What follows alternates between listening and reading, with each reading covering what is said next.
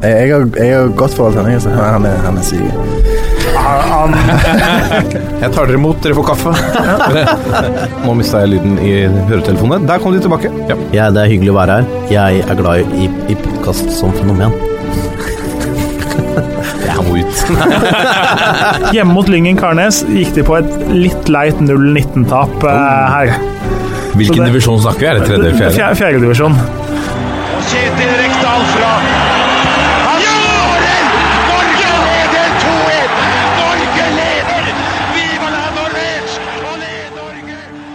Hei og hjertelig velkommen til eh, ukens episode av eh, Toppfotball. I dag eh, er vi lite grann eh, Ja, hva skal vi si? Det er ikke så mange i studio. Jeg heter Lasse og skal lede dagens sending, men vi har en fantastisk gjest direkte fra Intility Arena. Jonathan Tollås Nation, velkommen til Toppfotball. Takk for det. takk for det. Ja, Har du vært mye i podkaststudio før?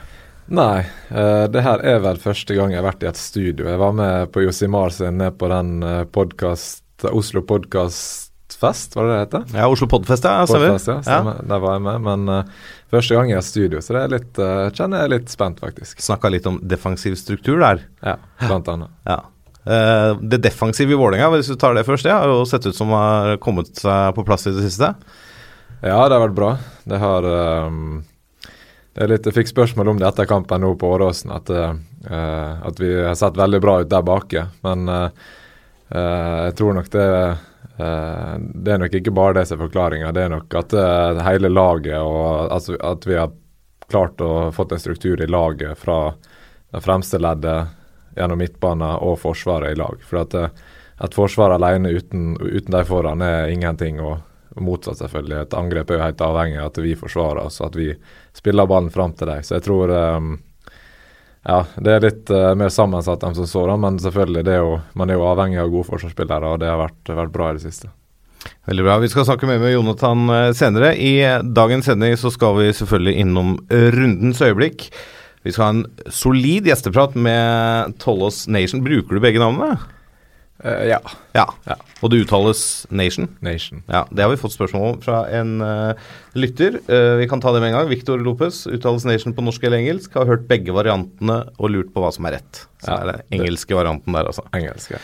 Det er greit. Og så skal vi se litt på de to neste landskampene som venter for Norge i Nations League. Men aller først, Jonathan, så må vi selvfølgelig snakke litt grann om damene våre, som var på din hjemmebane i går og tok seg til VM. Hva syns du om eh, den prestasjonen?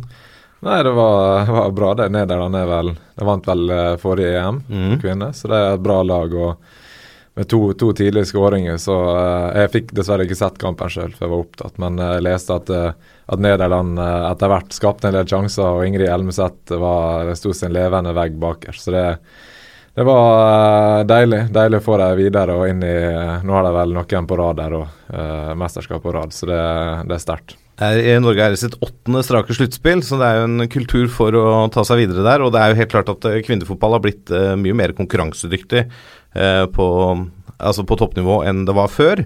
Uh, Ingrid Syrstad Engen uh, skåra i kampens femte minutt, og Isabel Lehn Herlovsen minuttet senere. Um, Nederland uh, reduserte etter 31 minutter, og som du sier, de hadde et voldsomt press uh, i andre omgang, men eh, Norge, Norge red av eh, stormen. Eh, hva tenker du, er det, er det viktig eh, Det var over 5000 tilskuere på Intility. For en opplevelse det må være for, eh, for Det er jo sånn det er. Kvinnefotballen har ikke bortskjemt med mange tilskuere. Nei, nei, og det, men man ser jo at det er en uh, det er en litt sånn trend nå at eh, du ser Obos annet, og flere andre som uh, store aktører som går inn og, og både sponser dem og er med og skaper litt blest rundt kvinnefotballen. og det, det er jo uh, selvfølgelig veldig bra for dem, og det er jo vel fortjent. For at det, når du sier, du sier de har vært med i åtte mesterskap på rad, så er jo det Burde jo de få litt uh, kred deretter òg. Og, eh, og da er det bra at, eh, at Obos med flere går inn og spytter inn litt penger. Dette er toppfotball. Vi går litt videre, Jonathan. Eh, vi skal til rundens øyeblikk. Og da skal man få lov å trekke fram et eh, spesielt øyeblikk eller hendelse fra forrige runde i Eliteserien, Toppserien, Obos osv. Nå var det ikke noe så mye toppserie, kanskje, men hva, Skal jeg begynne, eller skal du begynne? Begynn du. Ja, eh, siden vi har deg som gjest, da, så jeg, jeg må jo til Åråsen. Ja. Eh, for det er jo eh, Og det er jo ikke noe tvil om det, som alle som har hørt på den podkasten her eh, før vet. Jeg har jobbet i Vålerenga og er veldig glad i Vålerenga. Og det er klart, å slå Lillestrøm på Åråsen, det, det er noe spesielt. Og har du vært med på det som Vålerenga-spiller før? På Åråsen? Mm. Nei, Nei. det har jeg ikke. For det var jo en periode der vi kalte det Vårt Åråsen, fordi vi vant vel sju på rad eller seks på rad eller noe sånt. Så det er på tide at det kommer en seier igjen. Og Frisparket til Bård Finne er selvfølgelig øyeblikket for, for meg, eh, men klart dere holder nullen. Hvordan var det å spille den kampen? Uff, nei, det var helt eh, Det var faktisk helt fantastisk. Altså, det var Det er ikke så ofte jeg Altså, jeg er veldig takknemlig for supportere på at de lager liv og sånn, men det er ikke så ofte jeg legger merke til det når vi spiller, fordi at man er i sin egen boble og man på en måte prøver å stenge ute alt som ikke har med fotballen å gjøre. Men idet vi gikk inn på banen der og jeg så det banneret med 'Hovedstadens krigere', da, da kjente jeg at det røyste håret seg på kroppen min. Og Ja. eh, ja, Det var en fantastisk opplevelse. Og så, eh, ja, eh, så eh, leverte jo vi på banen i tillegg, så da, da ble det full pakke. Og Den kampen hadde vel egentlig alt som et eh, lokaloppgjør eller lokalderby skal ha. Det var tenning, det var fyring i begge leire. Jeg så det var et par eh, LSK-supportere som kanskje gikk litt over grensa med å kaste litt eh, ting på, på banen. Ivan spiste vel litt popkorn på vei ut der, så det? Jeg så det var, men det var noen som var på vei inn på banen der òg, men det Ja. heldigvis, heldigvis stoppa av vaktene. Jeg tror, jeg tror faktisk eh, politiet, eller de fleste av politiet var vel bort med klanen, så de ble tatt litt på senga der. Men eh, det var heldigvis nok vakter til å, til å holde dem unna de som prøvde å hoppe over skiltet der. Ja, det er bra. Det skal være fyring, men vi vil ikke ha uvedkommende på banen, eh, selvfølgelig. Seks um, av seks mulige poeng mot Lillestrøm i år. Um, merker du, når du går rundt i gatene i Oslo, eller etter kamp, før kamp, hvor mye dette betyr for supporterne? Ikke i gatene i Oslo, egentlig. Det er ikke der jeg merker det. Jeg merker det litt i sosiale medier og uh, ja, på trening. Det, du merker i, i perioder når man gjør det bra, så kommer det flere på trening og er der og, og støtter opp og ser på oss og prater og gir hyggelige tilbakemeldinger. Så det er egentlig mest der, der man får det, eller merker det på kroppen. Ute i gatene så er man bare én i mengden her i den store hovedstaden. Litt deilig å kunne gjemme seg bort, kanskje. Ja, det er godt. Ja. Hva med deg da, Jonathan? Hva er ditt eh, øyeblikk fra forrige runde? Mitt øyeblikk, eh, siden du da tok, eh, tok Åråsen, så eh, syns jeg den, er, den varianten til eh, Michael Carlsen på, eh, på Brann stadion er fantastisk. Når han stiller seg opp og, og er med og synger med på nystemten. Da, da viser han eh, en lun og fin humor som eh, går rett hjem hos meg. Og så er det et lite stikk selvfølgelig til eh, ja, eh, bergensere med nesa til ski. Ja, for det, det, var, det var jo en diskusjon for noen uker siden, fordi at det var enkelte spillere fra start og sånn som stelte seg på sang med på nystemten, selv om de var på motstanderlaget. Eh, og Ronny Deila var vel ute og fyra litt òg før kampen mot Brann på akkurat det der, tror jeg. Men eh, det er jo altså, sånne profiler som Michael Carlsen og som Ranheim. Det er jo en berikelse for hele Eliteserien. Ja da, men det er klart, det er litt sånn når du spiller for deg eh, Når du spiller for Rane, som er en liten Askelodd, så kan man gjøre litt sånne stunt, og man måte man eh, Det blir bare tatt med eh, et smil uansett, egentlig, da. Og det er jo fantastisk det han gjør. Det, han er jo, Jeg kjenner han litt. Han er jo en, faktisk en, en artig, artig type med, med god, god Nei, God humor. god humor. Ja, Så uh, Nei, det var, det var fint lite stunt der. Ja, jeg så til og med folk, uh, bergensere på tribunen, som uh, trakk på smilebåndet, så noe riktig må han ha gjort. Ja, et, et nydelig øyeblikk. Vi hyller Michael Carlsen for det. Og når vi er inne på det, vi må jo hylle det Ranheim holder på med. Ja, det, men det viser jo at med et godt system, eh, altså spillesystem, så kan man komme langt med, med få ressurser. Da. Det skal ikke så mye mer til i, i Norge enn at man, man har elleve stykker som vet uh, sin egen rolle og nabomannen sin rolle. Så, uh, så har det vist seg at det kan holde til Jeg vet ikke hva det ligger vel på en fjerde Fort en femteplass, femteplass, ja. ja. Har vi plassen foran dere? så det er sjette om ikke så lenge, da, men det er fortsatt veldig imponerende det med tanke på eh, ja, ressursene der oppe. Og, eh, og så er det godt å se den lojaliteten mange av dem viser til klubben. De har mulighet til å dra til større klubber og takke nei til Rosenborg, takke nei til andre klubber for å, for å være med der og, og spille videre for dem sammen med, ja, sine bestekamerater, som de kaller seg selv. Så um, ja, hylle dem. Du sier du kjenner Mikael Carlsen litt. Eh, under Deadline Day-sendinga til eh, Eurosport så kom det noen rykter om at han var i Oslo og skulle signere for, uh, for Vålerenga. Eh, var du involvert i disse ryktes, denne ryktespredningen?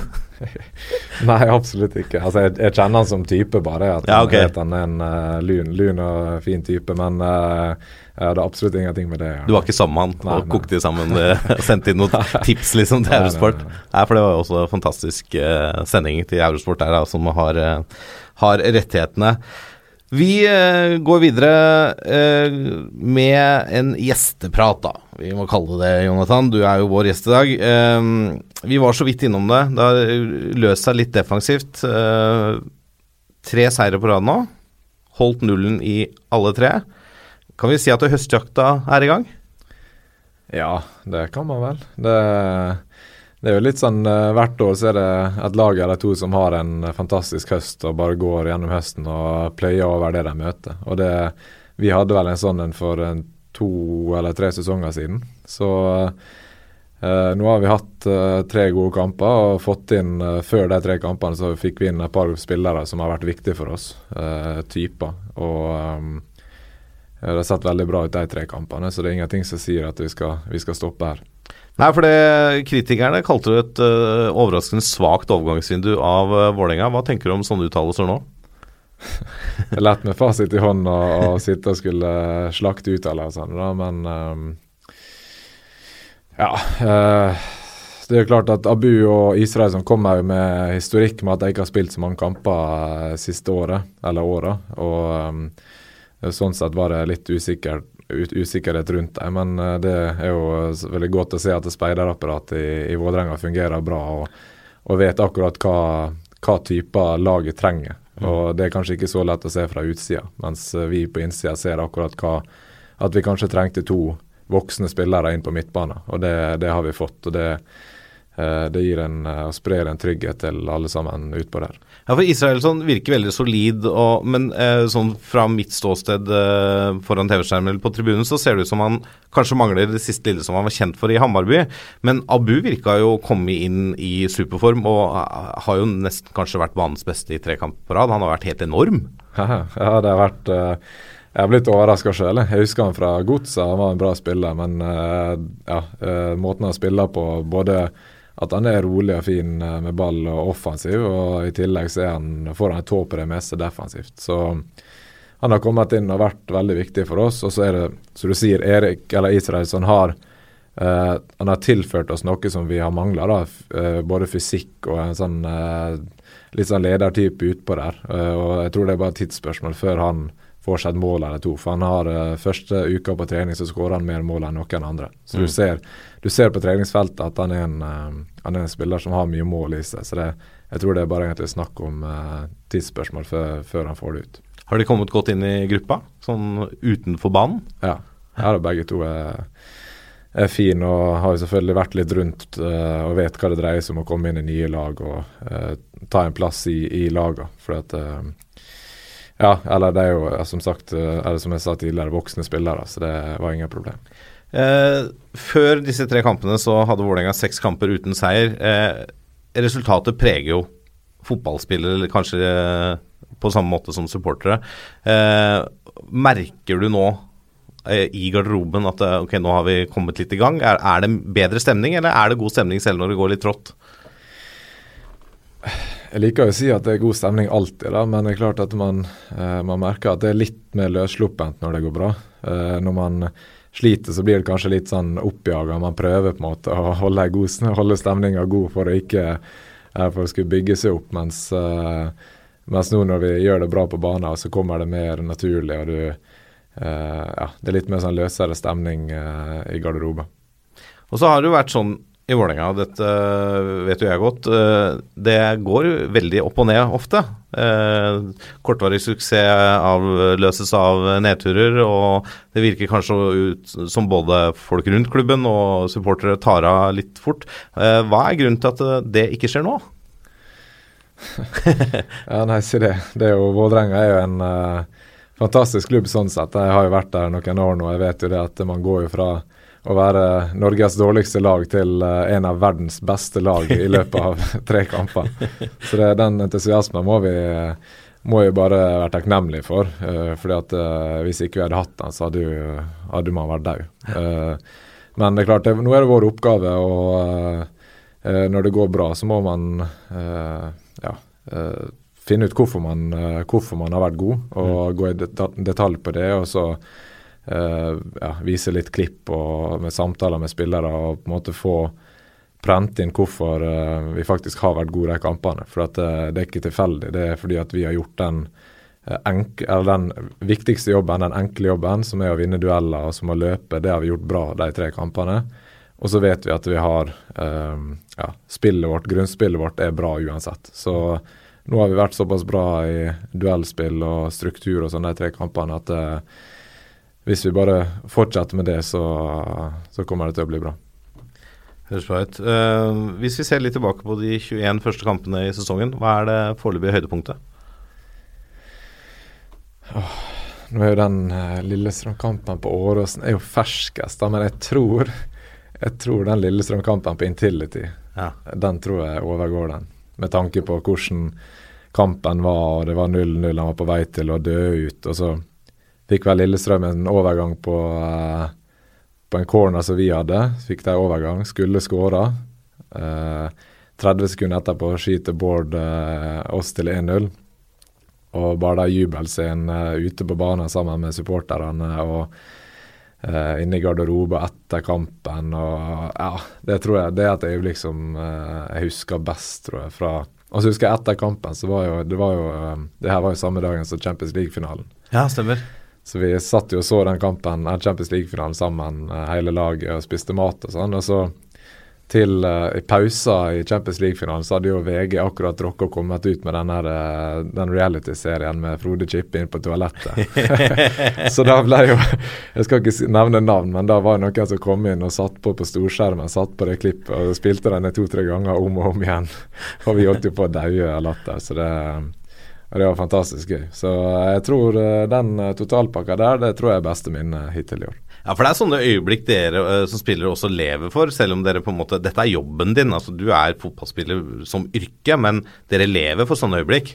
Ja, ja, selvfølgelig. Mm. Det er ingenting som er bedre enn uh, ja, først og fremst å vinne kamper, men når det gjøres på den måten det, det blir gjort på, så er det noe helt spesielt. Du har jo i mange kamper i år danna stoppepar med nysigneringen Felipe Carvalho. Eh, Ronny Deila har uttalt at han har lært mye av å spille med deg. Eh, fortell litt om samarbeidet du har med han. Det er jo kanskje ikke at Dere dere snakker vel ikke helt samme språk alltid heller? Selv om han snakker vel engelsk? Ja, han snakker brukbart engelsk. Har blitt uh, veldig mye bedre i løpet av året. Uh, ja, nei, altså han uh, kom, jo, kom, jo, i vinter og var ja, litt uh, Hva man skal si.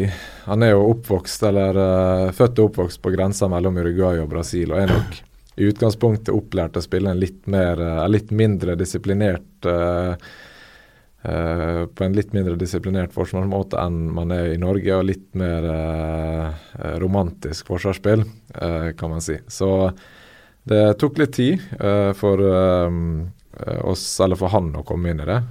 men men er klart at ja, kanskje jeg skal ha litt ære av det, men han må jo få mye av det sjøl, og som har tilegna seg det, eller som har tilpassa seg spillestilen vår og måten å forsvare seg på. For han, han, kom vel, han spilte vel i Sverige, og da spilte han vel stort sett i en treer i Malmö. Og mm. det er jo litt mer likt kanskje sånn han er vant til fra tidligere. Det er litt mer flytende rolle, og ikke så, man ikke, trenger ikke å være så eh, disiplinert. Eh, mens nå i en toer så må man være disiplinert hele veien. Og det, og det har han. Han blir bare mer, eller bedre og bedre på det. For han er jo eh, isolert sett så er han en eh, kraftpakke uten sidestykke. Så han eh, eh, ja, Jo bedre han blir taktisk, jo bedre blir han som spiller. da. Dere starta jo samarbeidet med et smell, hvis vi kan si det sånn. Det, det smalt godt. Var i Spania?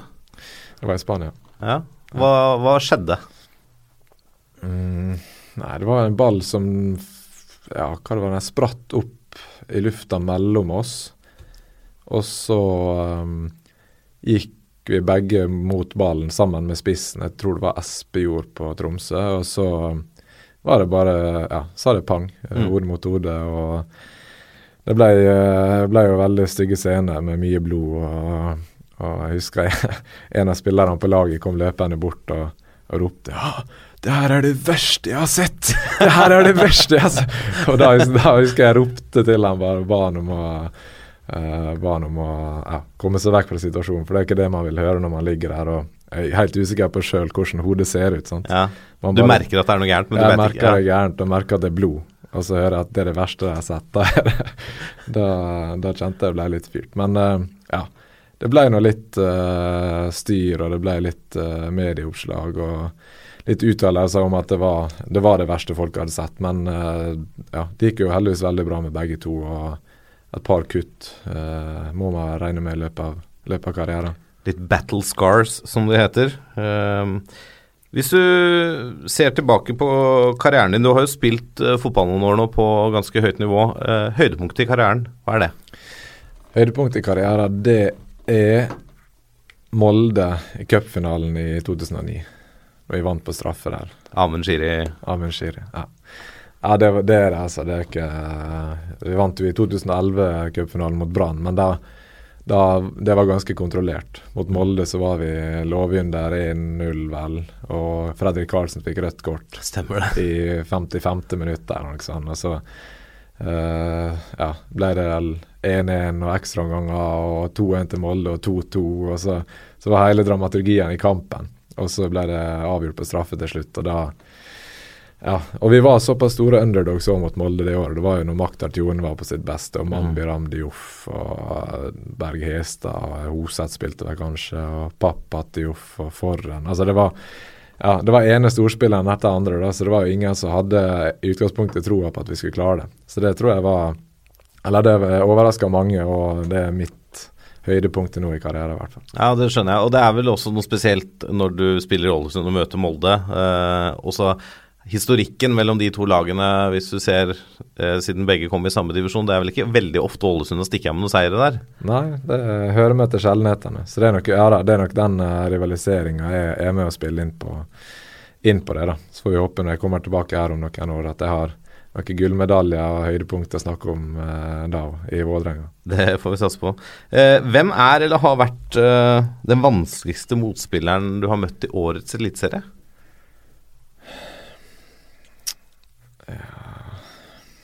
Ja, jeg tenkte litt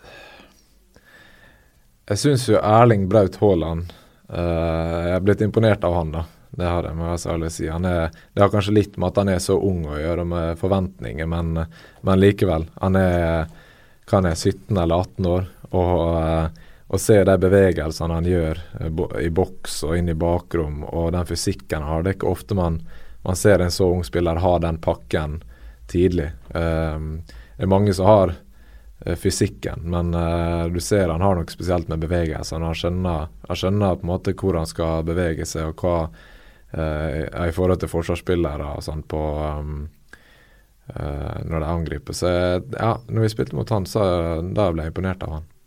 Ja, det er jo altså det laget som dere vippa ned fra serieledertronen. De eh, hadde jo to tap før, dere, før de møtte dere, og det var jo mot Molde begge to. Og de stopperne der, som anses å være ganske gode, de så ut som juniorspillere. Ja, jo, men han er Ja, han er har fått litt, eh, litt med genet fra faren da, men uh, sikkert lagt ned noen timer i styrkerommet. Han, er, han har en så riktig fysikk òg. Han er ikke bare at han har Altså, jeg vet ikke, jeg har ikke sett han i bar overkropp, men jeg kan ikke se for meg at han har så mye sånn uh, At han nødvendigvis er så rippa, men han har en uh, veldig bra fotballfysikk. Han er sterk over hele kroppen. Det merker man når man, eh, når man spiller mot ham. Ja, spennende type. Når tror du vi får se ham på landslaget? På A-landslaget? Han er på U21 nå. Ja, det er jo litt som eh, Det var vel Lagerbäcks uttalte det, at han er litt for ustabil ennå. Mm. Og det, og det, um, det er vel tilfellet. Han gikk vel eh, noen kamper, seks-sju kamper på rad der uten å skåre og var litt på benken og sånn i vår. Så uh, klart man må ikke ta helt av fordi at han eh, har hatt noen gode kamper mot Brann og mot oss. Men, uh, men eh, hvis han utvikler seg videre nå, eh, med det han har som utgangspunkt, så blir ikke overraska om han er på landslaget om, eh, om et halvår. Spennende type, i hvert fall. Det, det er bra for norsk fotball at vi får fram sånne profiler. Eh, vi drar litt tilbake til Intility, Jonathan. Eh, og så får du bestemme sjøl om du skal oute noen her. Men eh, alle fotballklubber har jo gjerne en klovn, eller i hvert fall alle lag. Hvem er den største klovnen i Vålerenga-garderoben?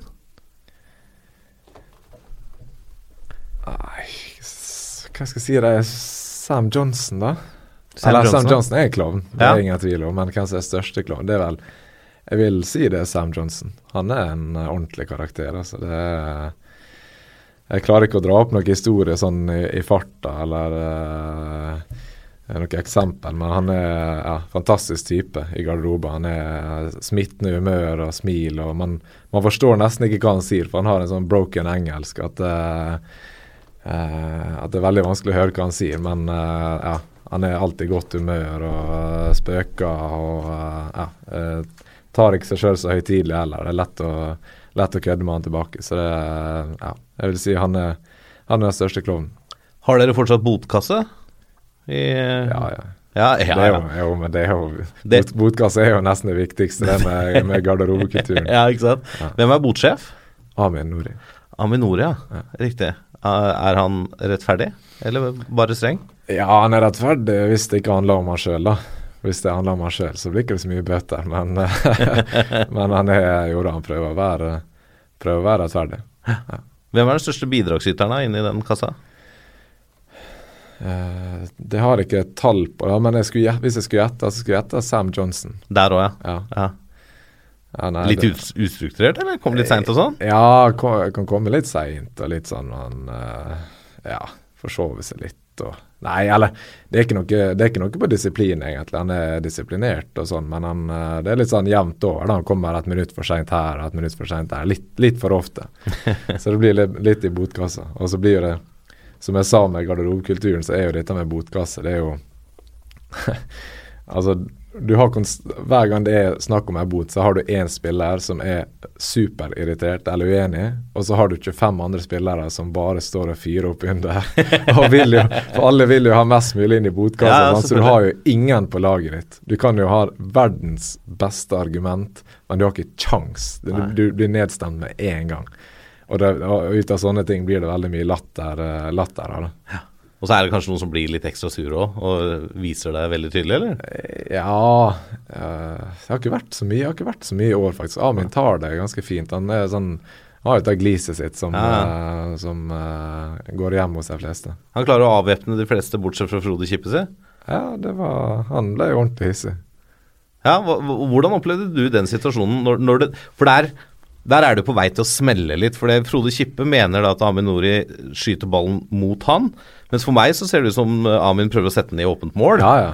ja, for jeg, jeg, skjønte ikke der og da hvorfor han hissa seg opp sjøl. Men jeg hørte etter kampen bare at det var, han hadde ment at Amin prøvde å skyte på han. Men jeg er helt enig med det. altså Keeperen var vel langt ute, Mm. og det var helt naturlig at han skulle skyte. Dommeren hadde kanskje blåst, men det, ja, det var jo Om han så skøyt og var en meter unna hodet til Frode Kippe, så så var vel ikke det all verden. Ja, så så jeg keeperen storma til, og da tenkte jeg at han var forbanna fordi Amin prøvde å score etter det ble blåst av eller et eller annet. Da tenkte jeg at det var det som var skjedd, men det var jo tydeligvis noe helt annet. Ja. Nei, jeg vet ikke. Men det var, ble jo litt fyring. Det er jo litt uh, Det som vi snakker om, det er sånn det skal være, det. Mm. Hva, hvordan, eh, når det er sånn at du ikke er selv en del av fighten, da, går du inn da og prøver å megle eller holde unna, eller står du på avstand og flirer litt? Nei, altså jeg prøver jo Hvis det er området der jeg er, så, så er jeg som oftest går jeg inn og uh, Ja, sånn som nå, så var det Jeg så ikke litt engang hvorfor Frode Kippe skulle være hissig, så da ble jeg at jeg dytta bort han, eller prøvde å dytte bort han. Han er jo en stor mann. Uh, men eh, eh, men i utgangspunktet så er det vel bare om å gjøre hvis, Man må jo se an litt situasjonen. Hvis man ser en medspiller som er i ferd med å gjøre noe ordentlig dumt og eventuelt pådra seg noe kort, så må man prøve å få han unna. Hvis, uh, mens hvis man har muligheten til å fyre opp en motstander, så gjør man det òg. Så det er litt uh, situasjonsavhengig, egentlig. Dette er toppfotball. Apropos kort, du pådro deg sesongens sjette eh, på Åråsen og må får da litt lenger fri til neste kamp, da, for du må stå over neste kamp hjemme mot uh, Rosenborg. Eh, Visste du det da du fikk det kortet på Åråsen, at der røyk Rosenborg-kampen? Ja. Ja. Og så, eh, preger det deg underveis, eller er det sånn faen, det må jeg altså, ja, altså det, Der og da så blir jo Jeg skjønner eller jeg vet jo det, at jeg må stå over og blir jo selvfølgelig ekstra, uh, ekstra irritert for det gule kortet, men uh, Men nei, det preger ikke med resten av kampen. Det gjør ikke det. Nei. Det er sånt som skjer. Som stopper, så skal du vel få noe kort av og til. Ja, men vanligvis Jeg har ikke for vane å, å være suspendert, faktisk. Jeg har generelt fått veldig lite gule kort gjennom karrieren min, men uh, Ja, Du har jo pleid å holde deg på akkurat under ja, Ja. stort sett sånn to, to gule kort per sesong og sånn, men uh, Ja, men eh, Hva har skjedd i år? Seks kort Jonathan. Ja, litt mer kynisk da, kanskje. Litt flere tjuvtriks jeg har uh, innøvd. Men det er jo dårlig timing nå når VAR, VAR kommer rekende til, til Eliteserien. Ja, ikke sant, ikke sant. Um, da du vokste opp, var det fotball? Du var fotballspiller du skulle bli, eller? Uh, jeg spilte fotball og håndball om hverandre fra jeg var seks år til jeg var 15 ca. Um, ja, 14-15. Og egentlig når jeg ga meg, så var jeg egentlig like god, eller bedre kanskje i håndball enn fotball. Men det var fotball jeg likte best, og det var liksom der eh, kompisene mine fortsatte, de fortsatte å spille fotball, så da ble det mer naturlig å, å gå den veien. Eh, så det var håndball og fotball jeg spilte, og så fra jeg var 14-15 så ble det fotball. Men jeg hadde egentlig aldri noe sånn eh, klart mål om at jeg skulle bli fotballproff. Det var egentlig bare sånn Det skjedde veldig fort. For når jeg, som jeg sa, så var jeg bedre i håndball. Uh, og da var jeg, jeg, var, jeg var vel på kretslag og sånn i fotball, men jeg var sentral midtbane, hadde stagnert litt og var på en måte ikke helt uh, Ja, var kanskje bla, bare blant de beste på laget, ikke den beste. Og så tok treneren vår var vel, Vi var på Sogndal Cup et år, så tok han uh, Da skulle vi spille mot en rask spiss. Så sa han det at han ville prøve meg som midtstopper. Og det var på en måte starten på, på stopperkarrieren. Og ja, siden det så har jeg spilt stopper. Og egentlig fra, fra det året så gikk det veldig fort. Da var det ett år så var jeg på eh, landslaget, og så var det et halvt år så spilte jeg i Tippeligaen, og så ja. Så det var veldig sånn Det gikk slag i slag når det først skjedde, da, og folk sto Altså, jeg har eh, bror som bodde langt vekk, eller bodde i USA, og skjønte ingenting om hva som Forrige gang han så meg spille fotball, så var jeg bare liksom ja, middels god midtbanespiller. Var i miksen, liksom? ja, jeg var Ja. i miksen. Mens, mens nå, i løpet av de to årene han hadde bodd borte, så var jeg plutselig eh, spilte i Eliteserien eller Tippeligaen. Så det var litt sånn eh, Ja, gikk veldig fort der noen år. eh, og skjønte vel egentlig ikke helt hva jeg var oppi sjøl, før jeg plutselig sto der og bare Oh shit, liksom. Men uh, ja, det gikk jo bra. og eh, det var, Jeg begynte å spille i 2008, og 2009 var det vel en liten um, Jeg spilte fast fra sommeren 2008, fikk veldig mye tillit. Og Rekdal kom inn, og så uh, 2009 så tror jeg nok jeg, jeg var litt for naiv og tok litt for lett på det og trodde på en måte det skulle komme av seg sjøl. Men da problemet mitt var, var da at folk hadde forventninger til at jeg skulle prestere hver kamp. Det hadde ikke de året før. Så da ble jeg tatt litt på senga noen ganger, og da var det Så vi kjenner Rekdal, da var det rett ut av laget og ingen nåde. Så eh, ja, da var det bare å gå i seg sjøl og uh, fant meg tilbake på laget i løpet av noen måneder. Kjempa deg tilbake. Ja. Har du hatt noen spillere opp gjennom karrieren du har sett eh, ekstra opp til, som uh, forbilder på banen, eller spillere du liker ekstra godt å følge, enten nå eller tidligere? Ja, jeg husker han er- Eller tidligere så husker jeg Puyol i Barcelona. Ja. Var en eh, Det var et stort idol. Um, litt eh, Ja, akkurat hvorfor. Det var, han var jo bare en sånn karakter uh, ute på banen der. og En liten villbass. Uh, egentlig litt motsatt av den. For akkurat, eller sånn nå siste Siste ti åra så har det vært egentlig Piquet som har vært uh, store forbildet mitt. Og ja uh, Nyter å se han spille forsvarsspill. Er du Barcelona-supporter? Ja. ja. Det er favorittklubben over alle, liksom? Ja, Ja, skjønner. Da, det forklarer jo noe av det, i hvert fall. ja det, jo det. Men, eh, nei, men det er jo eh, Han, han syns jeg bare eh, er fascinert av måten Eller han får forsvarsspill til å se så lett ut. da Mm, mm. Det ja, Med å være riktig posisjonert og lese spillet bra, så trenger ikke man alltid å, å gjøre eh, Eller takle eller uh, ha brassespark eller eh, Det er liksom Man bare gjør ting enkelt, Mm. eh, sånn det skal gjøres, og så ikke noe fiksfaks. Og det, det er jeg veldig stor fan av. Men kan du som profesjonell fotballspiller selv sitte og se fotballkamper og, og se på andre stopper og tenke det der må jeg plukke med meg. Sånn bør jeg prøve å gjøre oppgavene sjøl, eller eh, er det litt forbi det når man eh, nærmer seg 30? Jeg er jo 28. Ja, da nærmer du deg. Ja. Ja. Eh, jo, eh, det gjør jeg. Ja, jeg sitter jo og ser, men altså Det er jo litt eh, kommer litt an på hvem det er. Ofte når jeg ser Barcelona, så er det Ser jo selvfølgelig på hva Piqué gjør, men det er ikke nødvendigvis alltid som en eh, ja, hva man skal si, analytiker. Det er jo bare ofte for underholdninga sin del, og syns det er gøy å se på. Mens jeg kan ta meg sjøl av til å gå inn på YouTube og se litt klipp fra Puyol eller Piqué og sånn eh, øyeblikk der de med forsvarsspill da, som man kan, eh, man kan lære mye av. Men eh, når jeg sitter og ser på kamper, så prøver jeg på en måte der er mer for underholdninga sin del. Mm. I en alder av 28 år, eh, ja, så går du i din tidligere kollega Welers fotspor, så har du noen år igjen. Men eh, har du noen målsetninger om at eh, du skal banke på døra til Lagerbäck? Ja, eh, altså det har jeg. Men jeg vet, jeg vet at på, før jeg kan banke på den døra, så må, må jeg være med og spille Vålerenga til å bli en toppklubb.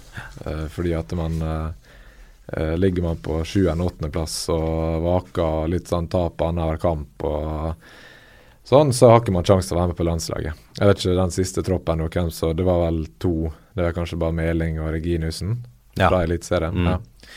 Så man er jo helt avhengig av å være topplag og prestere veldig jevnt over, over tid. Og i tillegg, hvis man aldri har vært der før, så må man kanskje prestere enda litt bedre uh, over tid. Fordi eh, det er kanskje tryggere å ta med, ta med folk som har vært der tidligere, så man vet hva man får med. Så det er Jeg har selvfølgelig et mål om det på sikt, men, eh, men først og fremst så er det å få Vålerenga til å bli en eh, ja, stabil toppklubb. Og så konsekvensen av det blir jo da forhåpentligvis at jeg kan være med der. Så er vel kanskje nåløyet til Lagerbäck eh, litt trangere enn andre tidligere landslagstrenere. Det virker jo som han er veldig tro mot de 2-3-24 han har med i hver tropp nå. At det er vanskelig å banke seg inn i en tropp der. Ja, det var, vel mye utskiftning med, med både Høgmo og før det, men eh, ja, det har jo vist seg å ha fungert bra. Jeg tror det er jo riktig veien å gå. Man eh, får kontinuitet i det og eh, litt trygghet med de som er der inne. At det ikke blir sånn at uh, hvis, hvis jeg presterer litt dårlig i denne kampen, her, så er jeg ute av troppen neste gang. Liksom. At Mm. du har du er trygg på at uh, treneren vet, vet hva han får av det, og at han uansett om du spiller en dårlig kamp i ny og ne, så, så er du med neste gang. da. Eh, selv om selvfølgelig det må være en sunn konkurranse og ha en, alltid en tre-fire spillere som er aktuelle både ut og inn fra landslaget. og Det, det tror jeg nok de har, men, eh, men kontinuiteten som, som laget bak, bak har lagt seg på, jeg tror jeg er veldig bra for landslaget. Mm. Vi skal snakke litt mer om eh, landslaget etterpå, selvfølgelig. Um, når du uh, nærmer deg Altså når du kommer til kampdag, er har du da noe Altså Hvordan forbereder du deg til kamp? Har du noen egne ritualer? Spiser du noe spesiell mat? Hører du på noe spesiell musikk? Er, det, er du overtroisk? Venstre skoa først, liksom? Nei, absolutt ikke. Jeg har, jeg har ikke noe sånn veldig spesielt, egentlig. Vi har jo um, Nå har vi møte på morgenen på, opp på stadion, så vi drar opp på morgenen. Og så er det kampmøte og gjennomgang av uh, motstander og litt av oss sjøl. Spiser vi, og så drar vi hjem. Og da er det egentlig Ja, da ligger vi og ser litt på motstanderlaget vi skal møte, og litt kanskje dødballer eller uh, spissene jeg skal spille mot. og og ser litt hva man kan forvente, og så sove litt. Og så er det Maten er jo samme, der lager jeg samme, der, men det er jo det er jo så kjedelig at det er nesten ikke vits å nevne. Det er jo pakke kjøttdeig stekt og litt søt potet og bearnés. Det er det du spiser Det hjemme? Det, det er det jeg spiser Men hjemme. på Valle så spiser du Ja, det er litt forskjellig, men som oftest noe kylling. eh, Ja. Ja. kyllinglår og litt eh, salat og ris. kjøttdeig, bearnés og søtpotetfries. Eller ja, eller søtpotet, da. Søtpotet, ja. Ja. Og så kanskje litt brokkoli for å få litt uh, For å ha litt grønt i, i miksen. Litt grønt. Nei, men da handler det bare om å få i, få i næring, og at man ikke skal være sulten til kamp Eller ja, sulten når kampen starter. Mm. Ja, for det, det kan prege deg altså hvis du kjenner på sult når du går på banen. Ja, men jeg velger heller det enn mot Altså sånn, Det er et par ganger jeg har spist så mye til matchmat Ja. eller kampmat at eh, jeg kommer på en måte rett før kampen så kjenner jeg at det er sånn du går og gulper litt på den der bearnéssausen. og da er det litt for seint, liksom. Så, Ja. Så jeg prøver alltid å være litt sånn um, å legge inn en liten sånn sikkerhetsmargin på, på mengde. da. At jeg gjerne heller kjenner meg litt sulten uh, når kampen starter, enn en motsatt. Ja, skjønner, skjønner. Så går det vel an å fylle på med noe for å få i hvert fall energi. Og ja, uh, hva har du spurt om? Musikk? Ja, har litt- du, Hører du på noe spesiell musikk? Ja, vi har jo um, Eller vi har i garderoba har vi en sånn liste som vi spiller fra omtrent samme, samme før hver kamp, med litt utskiftning, utskiftning i ny og ne. Men, um, men jeg hører ikke på noe særlig med musikk hjemme før kamp. Egentlig. Nei. Det er garderoba. Der er full drus på anlegg og god stemning. Er det sånn at hver spiller har hver sin låt, da, eller er det liksom en musikksjef? Ja, det er musikksjef, egentlig. Har du bidratt med noen låter? Ja, det er jo jeg som spiller musikken, da. Men det er jo klart at man får litt innspill. Og eh, du er musikksjef? Ja, ja. Ja. du spurt om det. Vi hadde en Ja, musikksjef, ja. Og det er jo da Og det er deg. Ja, ja. Nettopp. Men, uh, ja, men uh, vi tar imot innspill, selvfølgelig. Hvis noen har uh, sangønske, så, så setter jeg ikke meg på bakbeina. Nei, riktig. Du tar det opp til vurdering i plenum. Skjønner. Um, du nevner um, kampmøter. Uh, da, er det, da er det liksom dødballer. Hvem har du på dødball? Offensiv, defensiv? Hvem tar frispark, straffer og sånn? Er det sånne ting man går gjennom, eller går man gjennom mer sånn eh, helt ned i liksom ta, eh, taktikken? Når Amin kommer rundt der, så må du løpe der, Shidi, liksom? Ja, det har vi, det siste du sier, har vi mm, gjerne gjort litt sånn gjennom uka. Mm. Og, men eh, det kan godt være det blir repetert på kampdag. Men vi har for først, som jeg sa på morgenen, så har vi et møte. Da er det, går vi, ser vi video av dødballer til motstanderlaget. Offensivt og defensivt. Og så er det eh, Har vi kampmøte når vi kommer på stadion før kamp Mm. på kvelden. Og da, og da er det mer sånn uh, Ja, uh, litt mer taktikk inn mot kampen og kampplan. Og, og så går da dødballsjef Johannes Mosgaard går gjennom, gjennom våre dødballer. Mm. Og hvem vi, hvem vi skal markere og sånn etter vi har fått motstanderlaget. Jeg vet ikke om avspark eh, kvalifiserer som en dødball, det gjør jo for så vidt jeg, for ballen ligger dødt, men dere hadde jo en variant hvor det, når dere tok avspark, så bare måka dere den ut på sidelinja ned ved cornerflagget til motstander. Hva, hva, er, hva er bakgrunnen for det? Åh, nå spør du godt, da. For jeg, jeg vet faktisk ikke hva som var bakgrunnen for det. Nei. Jeg vet at Marseille, de, hadde det, de gjorde det samme. Ja. Eh, hver, hver gang de starta med ballen, så skøyt de ned i hjørnet. Og så, altså Jeg vet jo hva tanken er med det. Det er jo Mm. for å sette For jeg vet jo sjøl at å ha et innkast ned i eget hjørne, det blir ofte litt trøbbel. ja, det er for å sette motstanderen under press med en gang? ja, sette Ja, okay. deg i en litt ekkel situasjon. Det er det som er målet. Men eh, akkurat bakgrunnen for hvorfor vi gjorde det, liksom sånn det er jeg faktisk ikke helt sikker på. Vi fikk bare beskjed før den eh, Jeg tror det var Stabæk hjemme sånn. Vi plutselig fikk beskjed om at eh, nå eh, setter vi bare ballen ned i hjørnet, og så Mm. følger vi etter med alle og setter dem under press. Og da gjorde vi som, eh, som sjefen sa. Ja, dere hører på Og vi vant 1-0, så vi fortsatte med det. Men så begynte vi å tape, og da ble det Da ble det tatt bort igjen. ja, det ble veldig lett sånn man begynner å se etter ting som var grunnen til man tapte. Og da, da fant vi ut at grunnen til vi tapte den kampen her, det var fordi jeg avsparket. Så det blir ikke hyra inn en avsparktrener på Valle med det første? Nei, spørs. Nei. Spørs. Nei, jeg skjønner. Du, ehm, før du kom hit, så fikk du beskjed av Martin å sette opp eh, din fire fotballstjerners middag.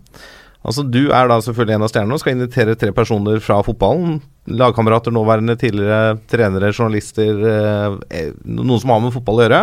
Og du lager selvfølgelig maten. Eh, hvem inviterer du? Først og fremst, da. Ta det først. Hvem eh, sitter til bords? Ja, nei eh, Som jeg sa til deg i sted, så var jeg sleit litt med den her. Jeg syns det var litt vanskelig å plukke ut. eh, plukke ut. Men eh, ja, hva skal jeg si her eh, Det ble litt sånn fokus ble jo Jeg måtte jo ha eh, For det første må jeg tenke ok, her det skal, De skal jo lage mat til meg de andre dagene, så jeg må jo ha noen som er OK habil på kjøkkenet. Blir ikke Reka, med andre ord? Ja, ikke Reka og ikke Tommy Sheriff. Nei, ok, jeg skjønner. Og så eh, Og så må det være likende typer, ikke minst. Så jeg, det har jeg gått for. Første eh, jeg valgte her, det var faktisk Brede Hangeland. Ja. Fordi eh, han syns jeg er en fantastisk type. Um, Og veldig Ja, jeg kan se for meg det har vært gøy å prate med han, bare sånn om uh, hans erfaringer og hatt en veldig bra karriere. og Han har jo en del, helt sikkert en del eh, fine historier fra garderobene i, borte i England òg. Så eh, Og så, ja eh, Skal ikke se bort fra at han er flink på kjøkken, det kan jeg fort se for meg. Så han, han fikk eh, førsteplassen min. Og så har jeg gjort et lite unntak på matkvalitet og eh, skills på kjøkken. Da, da gikk jeg for eh, Kent Bergersen, okay. min gamle assistenttrener i Ålesund, som eh, Ja, da var det egentlig rent fokus på stemning og ja, historiefortellinger. For det der er ikke det mange som slår Kent. da. Han er fantastisk å være rundt han, og han har alltid en god historie på lur og uh, godt humør. Og ja, jeg, husker, jeg husker faktisk en historie han dro fra um, Han fortalte om da han spilte sammen med Myggen i Eller de spilte ikke i lag, men begge spilte i Hellas. Han Ja. var, Kenta var vel i Panionios, og uh, Myggen var i Panetinaikos. Ja, stemmer. Så hadde Det var bare for å uh, ja, fortelle hvor stor stjerne Myggen var nede i Hellas på den tida, da. Så hadde det vært uh, Det var nyttårsfeiring, og de skulle inn til, inn til Aten sentrum. Og det, det var jo ordentlig trafikkork på veien der. Myggen Laidback som alltid hadde på seg skulle, De skulle ut på byen i, i Aten. da. Myggen hadde hatt på seg bare sånn joggedress og tøfler på vei ut. Og midt i trafikkorka der så hadde Myggen bare trampa ut av taxien og bare gått fra, foran alle bilene og bare peika dem ut til siden. og Bare sånn at her, bare lag en liten trasé til oss i midten. Og alle bilene hadde bare kjørt ut til sida. Åpna opp en sånn fin trasé i midten. Myggen gått stille og rolig tilbake, satt seg inn i bilen og bare kjørt gjennom inn, inn til Aten sentrum. Ja, Så det er fantastisk. Ja, ja. Så Kenta Ja, Stjerna hans, Myggen. Ja, han var jo fantastisk. Og Kenta er jo um, eh, hadde mange, mange forskjellige historier om Myggen. Men han, uh, ja, han hadde vært med for uh, historiefortellinga og det gode humøret. Og så siste gjesten min her, det hadde vært uh, Orri Larsen i Brann. Ja. Det er min, uh, en av mine beste kamerater som uh, Vi har laga veldig mye mat sammen, så det ble naturlig å tenke på han når jeg, jeg fikk den oppgaven her. For, han er, for da vet jeg at jeg kan bare lene meg tilbake og, og vet at det kommer gourmetmat på, på bordet. da. Han er, eh, han er veldig dyktig på kjøkkenet, så da trygg i hvert fall i matveien. Og så er han en uh, fin type ellers, og i et godt selskap. Så uh, ja, han får siste der. Og så kanskje han Han er faktisk veldig glad i å synge. Så Å, ja. han, kanskje han kunne stått for underholdninga utover kvelden. Det blir karaoke, med andre. Karaoke. Ja, riktig. Deg selv, da? Hvordan er det på kjøkkenet, og hva lager du? Nei, jeg vil vel si at det er um, ganske bra. Eller ja, i hvert fall glad i å, å utforske litt og gjøre litt nye ting. Det er klart man eh, Man går stort sett etter oppskrifter, så det er ikke noe hokus pokus. Men eh, man er i hvert fall glad i å lage mat. Og så Ja, eh, hvis man lager mye mat, så blir man vel litt flink òg. Mm. Ja, det er jo øving, det òg. Hva lager du til dette, denne troikaen? Hva jeg lager til deg? Ja, skal vi se her, da. Jeg har jo satt opp en liten eh, her. Forrett, så tror jeg det, da tror jeg jeg lager noe enkelt. Bare noe eh, melon og spekeskinke for å få praten i gang, og litt uh, champagnebrus øverst i glasset. Ja. Melon og brus Nei, melon og brus. Melon melon og spekeskinke. Eh, også til hovedrett så hadde jeg laga beef wellington, faktisk. ja vel. Fordi at det føler jeg er sånn Det er en matrett som alle som jeg har hørt, har spist det, elsker det, men ingen restauranter serverer det. Nei, nettopp. Så det er litt sånn uh, Litt undervurdert rett, rett og slett. Ja, ja, undervurdert. Men eller ikke undervurdert. I sånn, restaurantbransjen? Ja, Ja. restaurantbransjen, da. Ja. Men uh, ja, kanskje det er veldig vanskelig å lage. Få til ordentlig. Men eh, jeg har spist det et par ganger, og det, eh, det er såpass godt, og spiser det så sjelden at det tror jeg skulle by på. Ja, det er bra. Ja. Da? Må være noe søtt til slutt? må ikke? Ja, dessert, så eh, da har jeg valgt panacotta. Det er min, min personlige favoritt, og eh, relativt enkelt å lage. Ja, da sier vi bare bon appétit. Takk, takk. Dette er toppfotball. Ja, da har vi kommet til eh, lyttespørsmål. Eh, det er jo rent inn med spørsmål her, eh, Jonathan, så vi Jeg tror vi bare må begynne. Um, Oskar Johansen på Twitter lurer på hvilke klubber savner du i Eliteserien? Først og fremst så savner jeg eh, Skulle gjerne hatt Ålesund, eh, selvfølgelig. Eh, både fordi at det er min ja, ikke barndomsklubb, men klubben som eh, ja, var i så mange år. Og så er det Viking. Hører jo hjemme i Eliteserien. Mm. En stor klubb. Eh, bra historie. Fredrikstad hadde vært kult å få opp igjen. Det jo, jeg husker jo oppgjørene mot deg og tilbake i tid. Det var jo ja, bra trøkk på tribunene der og alltid mye folk på kampene. Og nå i tillegg, når de leverer såpass bra tall i, i andredivisjon, så er det, ser man at potensialet der er stort. da. Så ja, Ålesund, Viking, Fredrikstad Er det noen jeg har glemt? Noen andre sånn eh, gamle storheter som Ja, Det finnes jo sikkert noen uh, nedover der, men det er jo de tre du nevner der, er i hvert fall noen sånne publikumslag da, Ja. som uh, sikkert hadde bidratt til å få opp uh, snittet på publikumstallet i Eliteserien uh, lite grann. Um, du var jo med på Kall oppturen med åpningen av Color Line i Ålesund, hvor det var Det var vel fullt nesten hver helg? Ja, Sånn det var- Ja. Den ble vel åpna i 2005, Mm. så det var et par år før jeg begynte å spille. Men det var jo fortsatt Man levde jo på en måte på den hypen der i mange år etter det. Ja, ja. Um, og vi hadde, ja, fra 2008 til 2000 og kan det ha vært 11, da, var det omtrent fullt hus hver gang. Mm, mm. Og så begynte Ja, eh, det var vel kombinasjon av flere ting, da, men, eh, men eh, ja, vi hadde jo vunnet to cupgull, så kanskje folk ble litt for kravstore. Og så var ikke vi eh, gode nok til å prestere jevnt og ligge i toppen hvert år. Og da ble det vel naturlig at folk datt litt av og mista litt interessen. Men, eh, men det var fantastisk de, de åra der, ja. Det var eh, å spille der for fullt, eh, fullt hus. Jeg tror ikke det var så mange som gleda seg til å komme dit heller. Nå gikk jo Ålesund på en lei smell eh, i forrige runde, men eh, det ser jo ut som de har ganske stå, stø kurs eh, opp til Eliteserien. Har du trua på prosjekt Bohinen, hvis vi kan kalle det det? Ja, det har jeg. Jeg har ikke, jeg har ikke prata så mye med deg der oppe eh, egentlig om eh, Eller i år.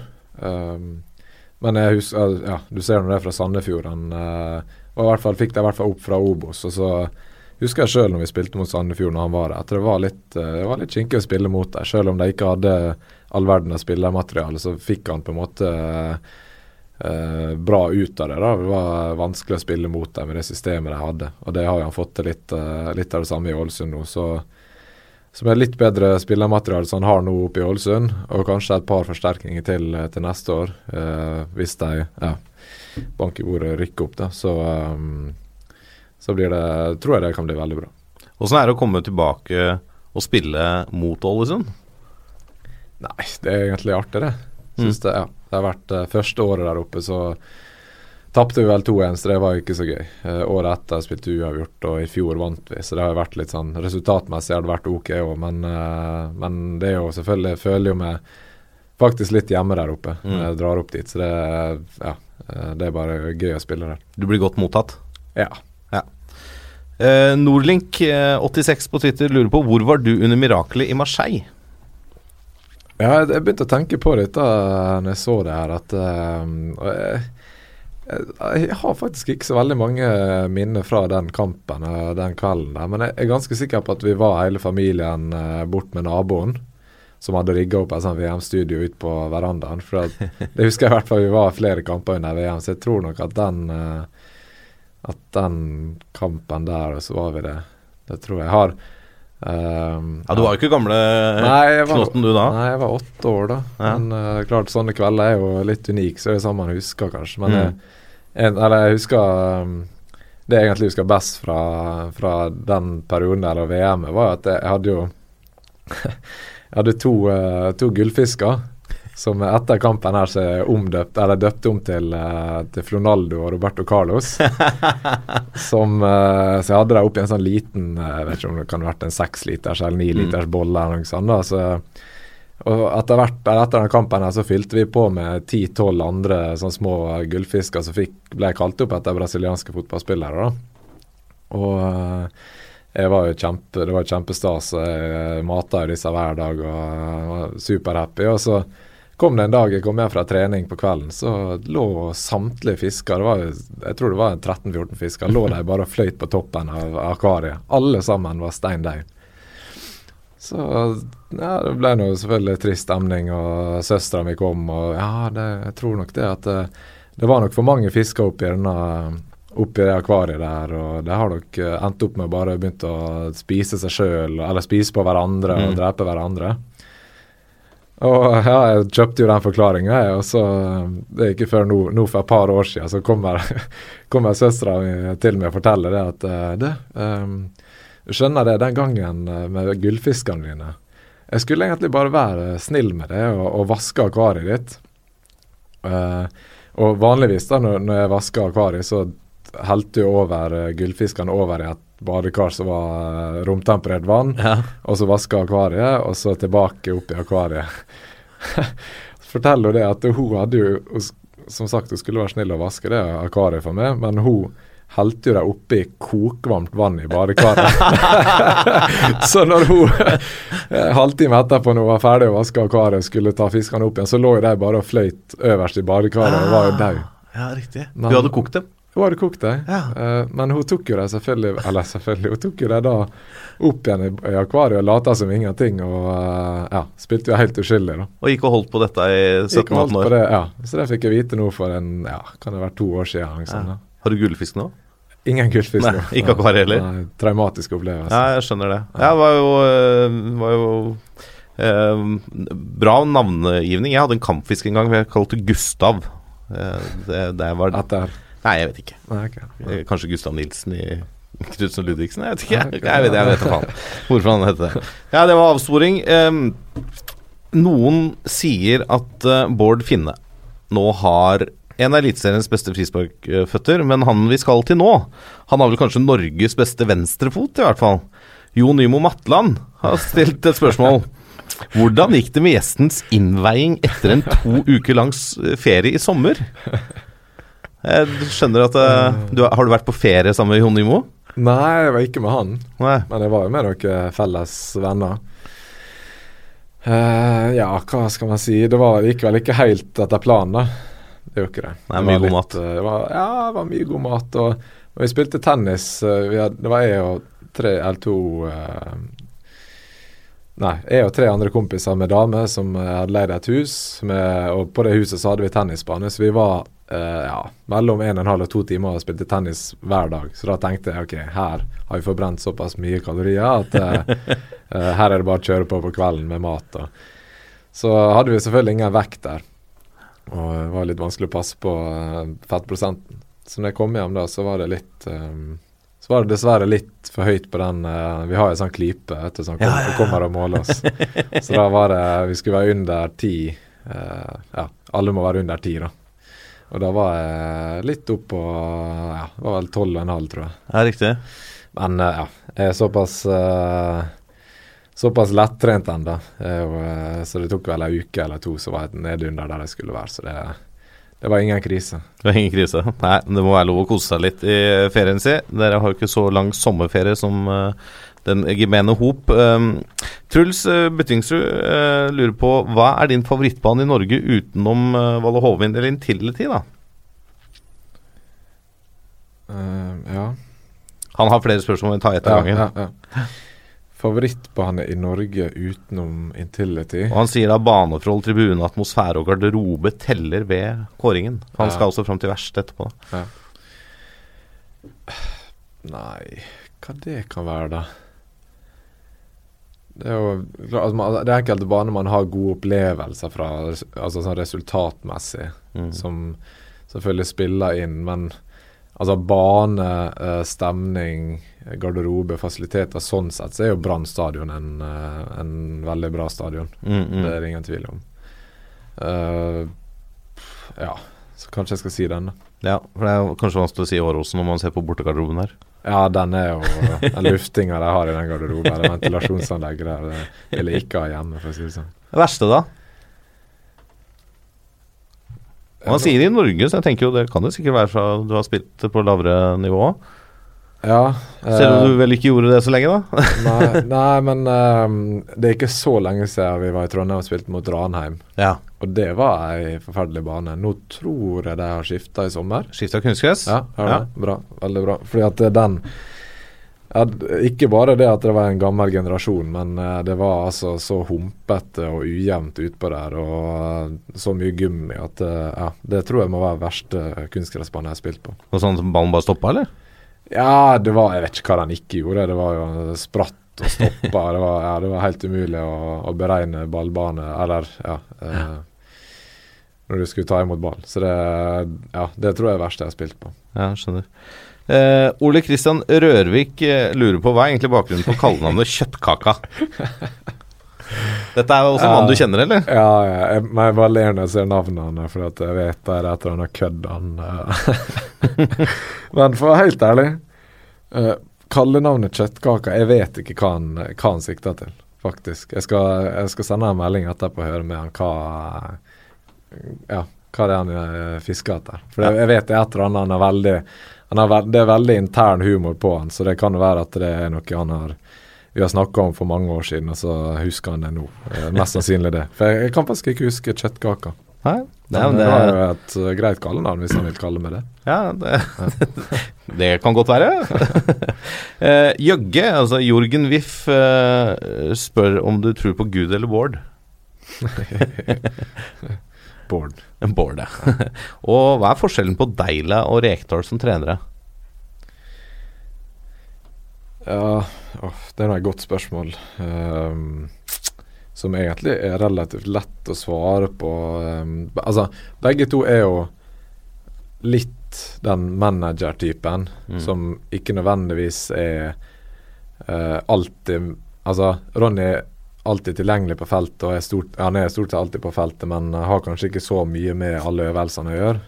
Uh, og det jo, hadde jo Rekdal òg, selv om han kanskje var enda mindre på feltet. Um, mens ja, som trener Ronny er jo mer Han er jo mer utviklingsorientert enn Rekdal. Rekdal er jo mer sånn uh, ja, hva jeg skal si uh, opptatt av å få resultat.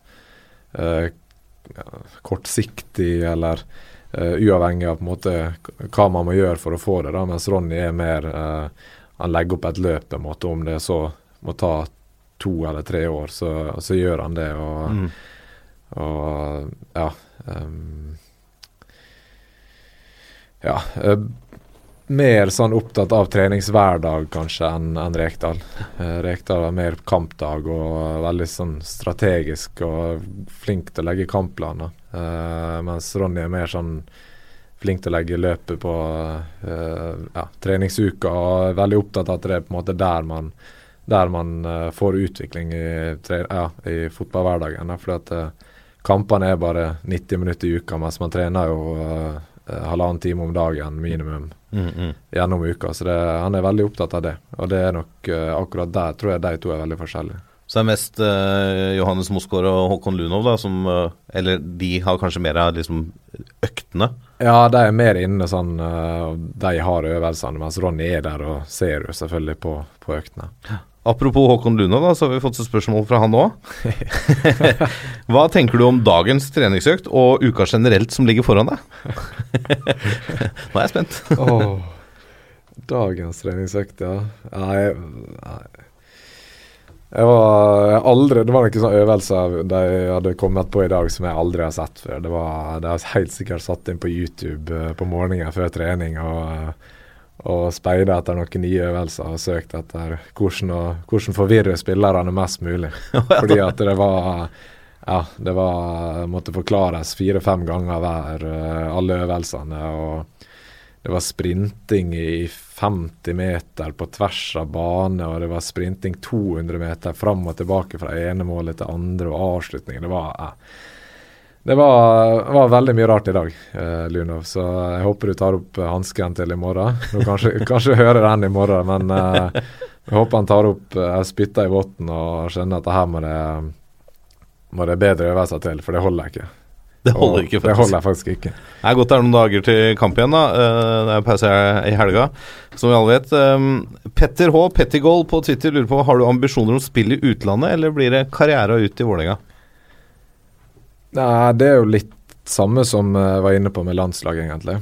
Eh, At eh, jeg vet skal man til utlandet og Klart man, man kan jo selvfølgelig dra til utlandet og dra til en uh, litt bedre liga enn Eliteserien, eller like god, og, og liksom har da spilt i utlandet og vært utenlandsproff. Men det er ikke hvis jeg først skal dra til utlandet, så har jeg lyst til å, å gjøre det på en ordentlig måte. Og da, da vet jeg, som jeg sa med landslaget, at da må, da må man prestere jevnt. Eh, det er klart at de, de eh, klubbene som ser etter spillere i Eliteserien, de er jo ute etter spillere som spiller på lag som, som har eh, bra track record, som har stabilitet. og så vinne, vinne kamper. Det, det hjelper ikke å vinne annenhver kamp sånn vi har holdt på med de siste åra. Men eh, forhåpentligvis nå fremover og de kommende åra så blir det såpass bra at jeg, eh, jeg kan dra ut. For det er selvfølgelig, jeg har jo ambisjoner om det. Hvis ikke så skulle jeg slitt med og motivert meg hver dag. For det ja, eh, Hvis man er veldig bare tilfreds med å være her man er nå, så, eh, så sliter man. Men du utelukker heller ikke Geirmann på Twitter lurer på om uh, Altså kontraktene går ut uh, i 2020 i Vålerenga. Uh, du utelukker ikke å bli?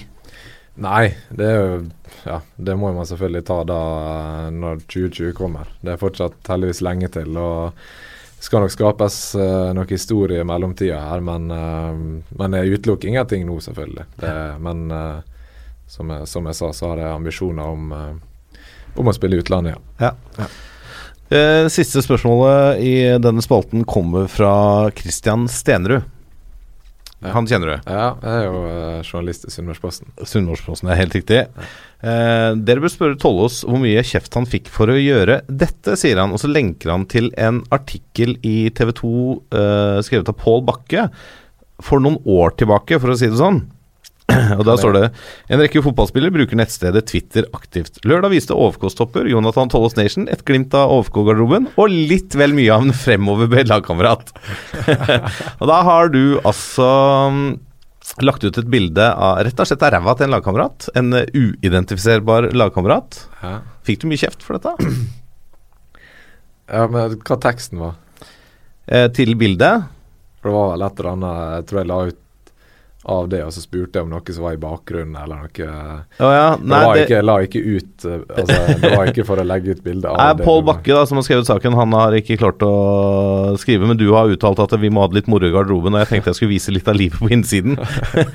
Ja, nei, jo da, men jeg husker, jeg husker den her veldig godt. Det var Det ble, ja, det ble litt oppstyr, for det var um, Jeg husker Henrik Hoff, som var daglig leder og direktør i klubben, kom jo inn i garderoben dagen etter og, og sa det at dette var uakseptabelt, og, og at jeg kunne, ikke, jeg kunne ikke legge ut sånn. Og så var det ikke alle som hadde fått det med seg, så han gikk jo rundt med telefonen og skulle vise på en måte det innlegget og bildet til til alle da var veldig sånn alvorlig, han, og veldig sånn viste og liksom rista på hodet og viste. Og så, og så gikk han runder, og så kom han bort til Rekdal, da, han hadde ikke sett det, så viste han til Rekdal.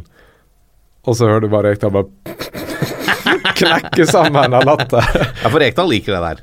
Ja, men han, det, det så, altså, han skjønte at det var ikke så farlig, da. Nei. Klart at det ikke Det var nok ikke det lureste jeg har gjort, men, eh, men det var litt, eh, var litt artig samtidig. Og han, eh, når han knakk sammen og uh, ufarliggjort situasjonen, så ble det egentlig bare at alle, alle sammen lo, og så ja, var vi ferdig med det. Da var det greit. Ja. Uh, du sier i intervjuet her, eh, eller du blir spurt hvem er avbildet. Det får du aldri vite, sier Nation of flirer. Har du lyst til å lette på sløret i dag?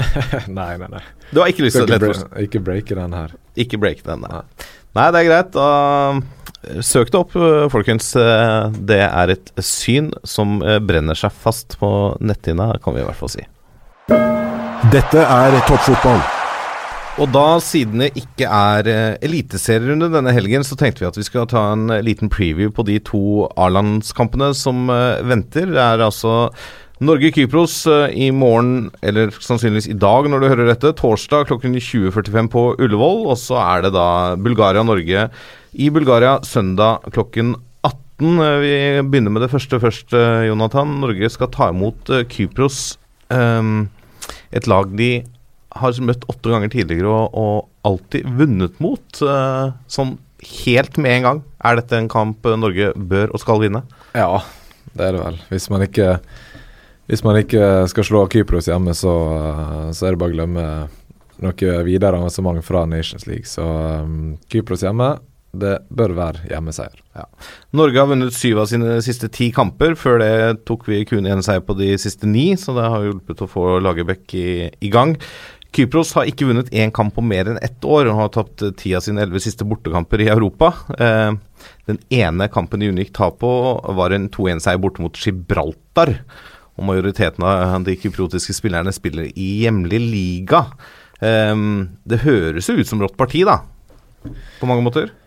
Ja, det gjør det, men altså, kypriotisk liga, jeg vet ikke hvor, uh, hvordan nivået er. De har vel et par uh, topplag som er ok.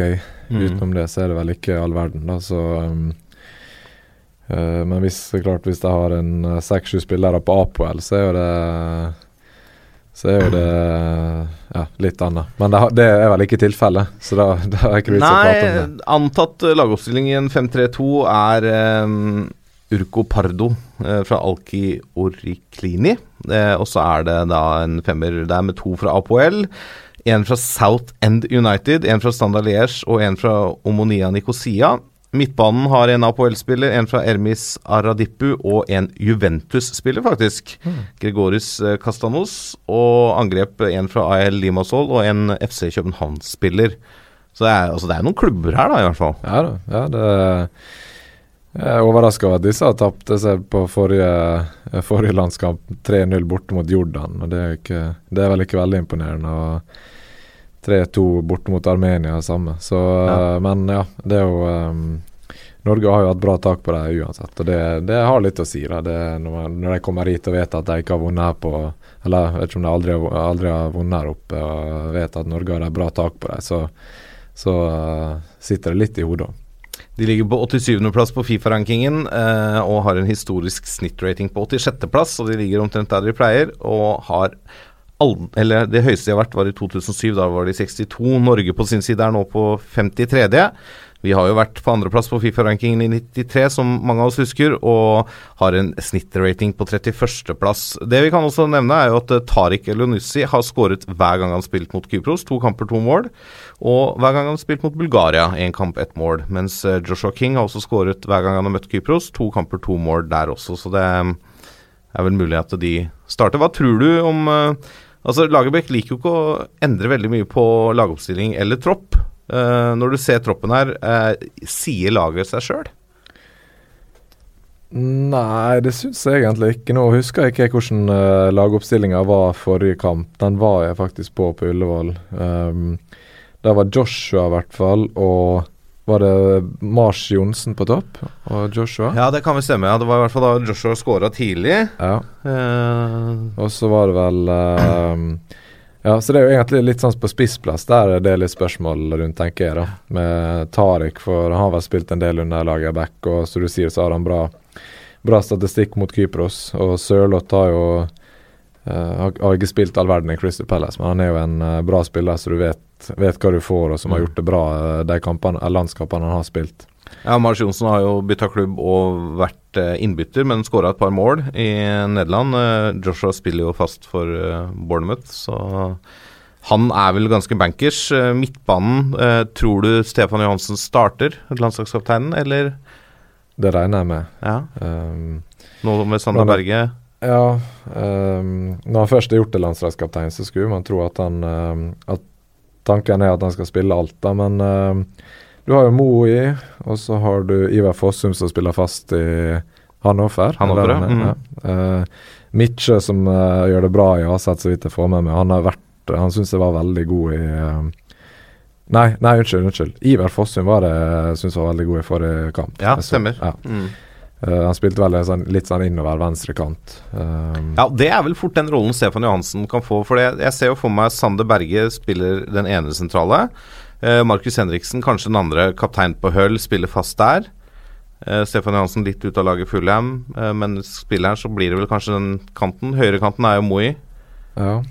ja, det er jo Det er kanskje der det står. Ja, det er Johansen Ivar er. Fossum eller Stefan Johansen, ja. ja. Den Ja. er jo litt kinkig, den. For Mm. så, jeg så Lagerbäck var vel skrøyt vel spesielt av Fossum og her forleden. Ja. Så det, det kan bli eh, ja, sikkert amerikansk uttak når det begynner Eller i løpet her i dag eller i går. Ja. Eh, Rune Almenning Arstein starter nok i mål. Jeg vil vel også tro at eh, Jonas Svensson tar høyrebekken, og at eh, faktisk Birger Meling tar eh, venstrebekken, for han har vært god for Lagerbäck der. Eh, Ayer, ene stopperen. Blir det Reginussen eller blir det Nordtveit på den andre stopperplassen, tror du? Eh, jeg tror det blir Reginusene. Ja. Ja. Han er jo ehm, Ja, Nordtveit er jo eh, for all del en bra spiller, men Reginiussen er trygg. Ja. Jeg vet, ja, han er litt sånn Du føler deg trygg når du ser han, han i lagoppstillinga. Så Mm. jeg, jeg tror nok han er en uh, Lagerbäck-type. Og så ser du jo da hvis dette er omtrent laget, da, da har du jo Omar El Abdelawi på benken, Martin Linnes, ja, Nordtveit, Sigurd Ostedt, eh, ja, kanskje Stefan Johansen, Martin Ødegaard, Ole Kristian Selnes. Eh, det er eh, Det begynner å bli en grei tropp vi har. Ja, Du det, Se, på det sånn litt isolert. ja. ja, det er mer enn nok å ta av her. Da. Det er klart når du har Uh, ja, Gent spiller på benken, og Asen Villa spiller på benken, og Olympiaco spiller på benken, så er jo det Vi har ikke hatt det luksusproblemet de siste, siste ti åra, så det må vi være, må vi være glad for. det å... Lagerbäck skal være veldig glad for det, at har eh, At det er den veien og ikke motsatt. At han eh, satt og telte på knappene for å finne, finne siste spilleren som skal være med i troppen. Nei, ikke sant. Eh, og så på søndag så er det bortekamp mot uh, Bulgaria. Det, det er et lag vi har slått uh, de tre siste gangene vi har møtt de.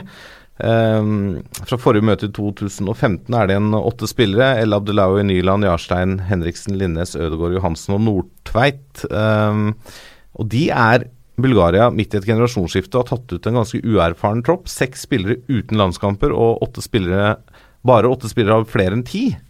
Uh, hva tenker du der? Det er en bortekamp da i Europa. Det er kanskje aldri lett, men skal Norge vinne det nå? Ja, det som du sier, da. Borte, borte i øst, østblokk der og uh, Ja, Bulgaria på bortebane. Det er, tøff, det er en tøff bortekamp. Det er ikke bare å reise og hente dem. Jeg tror eh, jeg tror jeg skal være fornøyd hvis, eh, hvis vi får med oss ett poeng. Mm. sånn i utgangspunktet. Det er klart at uh, spiller for spiller så er vi kanskje bedre, men uh, Men uh, Nei, så jeg gjetter på at det blir en ja, uavgjort der. Det er bra. Da Jeg gjetter på en borteseier, fordi jeg tenker vi har Slovenia som det fjerde laget i gruppa. De må vi foran hvis vi skal vinne, og da må vi ta poeng mot de andre. Og så får vi vinne hjemme og spille uavgjort borte mot Slovenia, så er den i boks. Um, vår kjære redaksjonssjef har eh, tatt ut litt eh, info om en nøkkelspiller som heter Ivelin Popov, 30 år gammel fra Spartak Moskva med 74 landskamper og 14 mål. Han er landslagskaptein, og offensiv midtbanespiller, var utlånt til Rubin Kazan i siste halvdel i fjor og skåret fire mål på ni kamper. og har en god pasningsfot, leverer en del målpoeng også i form av assist. Men det er noen fun facts rundt han eh, Popov. Han er tydeligvis glad i livet. Eh, Noen dager før EM-kvalikkampen mot England i 2010 tok han med seg en gruppe lagkamerater bort fra landslagssamlingen og ut i eh, Botjegrad, så de kunne feire bursdagen til lagkamerat Valerij Bonjov. De ble ute hele natten og drakk mengder med alkohol, og noen dager senere tapte de 4-0 borte mot England. Hva tenker du om sånn type oppladning? Ja, nei, det er vel ikke helt optimalt. Det var vel eh, Frankrike U21 det er nå, mens eh, på mitt kull, når vi, når vi spilte mot deg, at de, eh, Ja. et, etter hjemmekampen her i kvalik til EM, så dro vel han eh, Hva det heter disse midtbanene? Var det en av de store stjernene på det laget? Og med, dro med seg en to-tre mann ut eh, i mellomtida der. Det var fire-fem dager mellom mellom kampen og ble vel rettesatt ganske bra. Ble satt ut av laget og fikk eller heftige bøter. Så det, ja, det sier jo seg sjøl at det ikke er den beste oppladninga. Ja, og Norge slo dem ut. Ja, slo dem ut. Fantastisk kamp. Spilte du de- Nei, jeg hadde faktisk eh, ja, meldte forfall til de to kampene, så det var litt, eh, litt dårlig timing. Ja, men det, sånn er det av og til. Eh, denne Popov, da, han øhm, De skulle ha returoppgjør i samme kvalifisering mot England, da på hjemmebane. Igjen eh, tok han ansvar. tok med seg en gruppe spillere bort fra samlinga og dro ut på bar, hvor de drakk til klokken fire om natten. Lothar Matheus ble jo naturlig nok fly forbanna, han var Bulgaria-trener, og Bulgaria tapte 3-0 hjemme dagen etter. Så norske gutter, hvis dere hører det her, eh, byturer før landskamper, det ser ut til å fungere dårlig. Men eh, Spilte han, altså, har han spilt kampene etter det, eller har de spillerne som har vært ute, spilt de kampene? Eller har, de, altså, dette kommet ut etter landskampene, eller har de visst om det, så har de spilt? Ja, det er det er jeg litt usikker på, men jeg vil jo tro at eh, noen av de har vært på banen, i hvert fall. Ja. Det er spesielt. Ja, det er spesielt. I hvert fall hvis uh, Matheus visste om det og, og satt deg ut på banen der, at jeg ikke fikk uh, Fikk noe hardere straff enn som så. For Fire, fire dager før kamp, EM-kvalik mot England, så er det greit å drikke litt vann. Ja, ikke sant.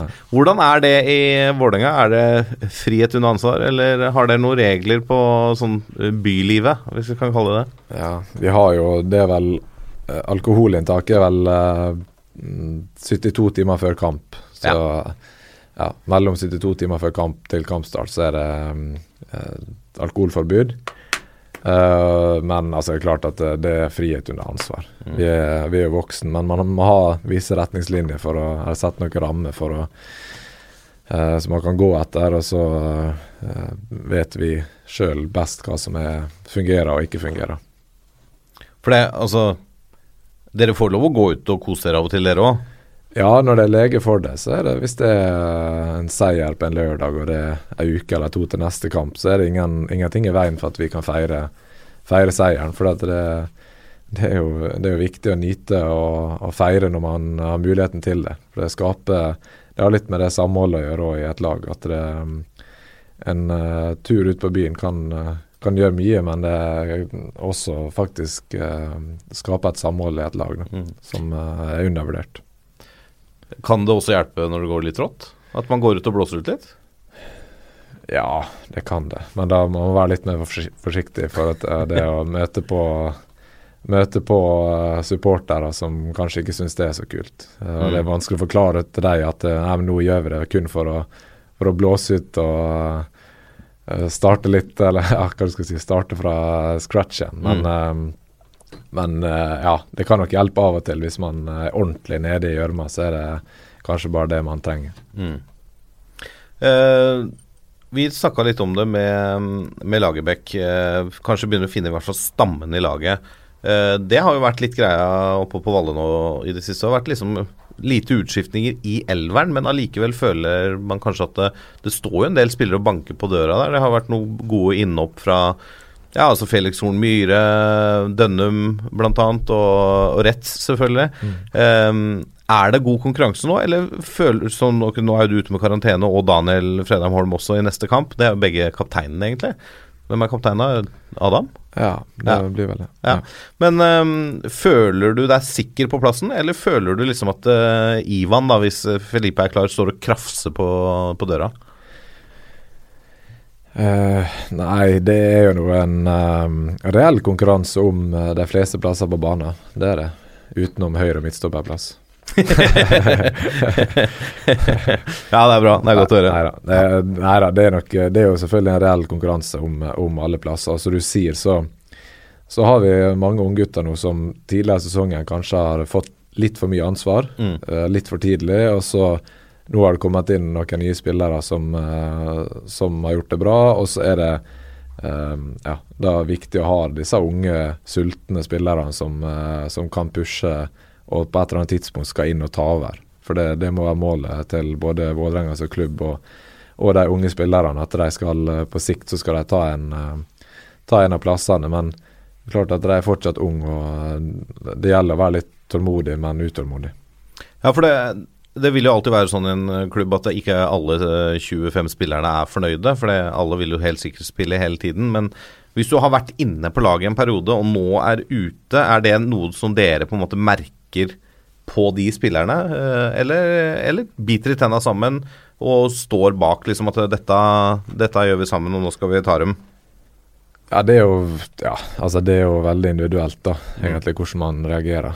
Ehm, men jeg tror nok i en sånn gruppe, hvis du ehm, eh, Ja, hvis du ikke står bak eh, laget når de spiller, og du er ute av laget, så, så blir du fort gjennomskua og fort eh, Ja, hva skal jeg si, ikke fryst ut, men da blir du fort ehm, Da merker vi andre det, da. Og Det er klart at da får man Får man straffa si når det, den skal komme. og Eh, ja, mens samtidig så er det man skal jo være Man skal jo ha spillere som ønsker å spille, og det, det er liksom en balansegang der på hvor, hvor skuffa skal man være, og hvor uh, uh, mye skal man uh, vise det. Og, altså sånn, for man, man må jo vise at man er skuffa, man kan ikke være fornøyd med å sitte på benken, men, men samtidig så skal man liksom backe opp, det er en sånn greie, da. Man skal selvfølgelig backe opp de som, de som går ut på der.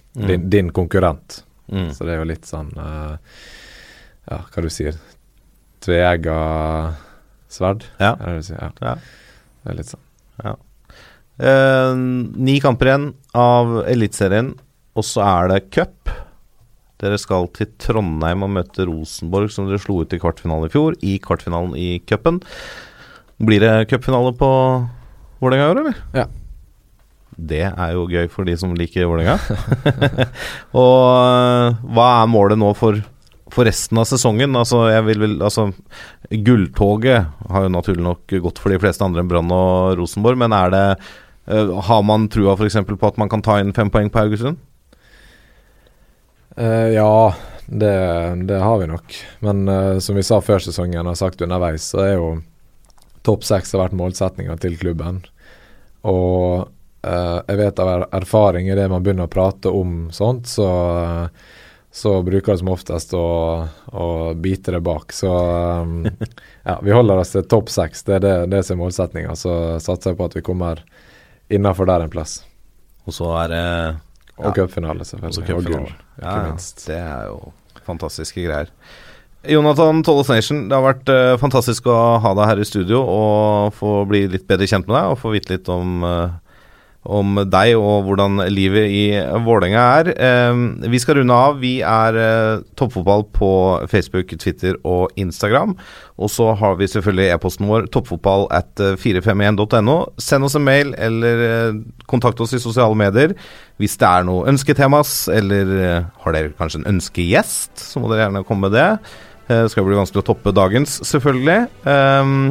Og så runder vi av som vi alltid gjør, og i dag er jeg litt spent siden jeg er alene på å gjøre dette til vanlig, men uh, vi prøver. Én, to, tre. Vi er en gjeng! Ha det! Den var ikke jeg med på.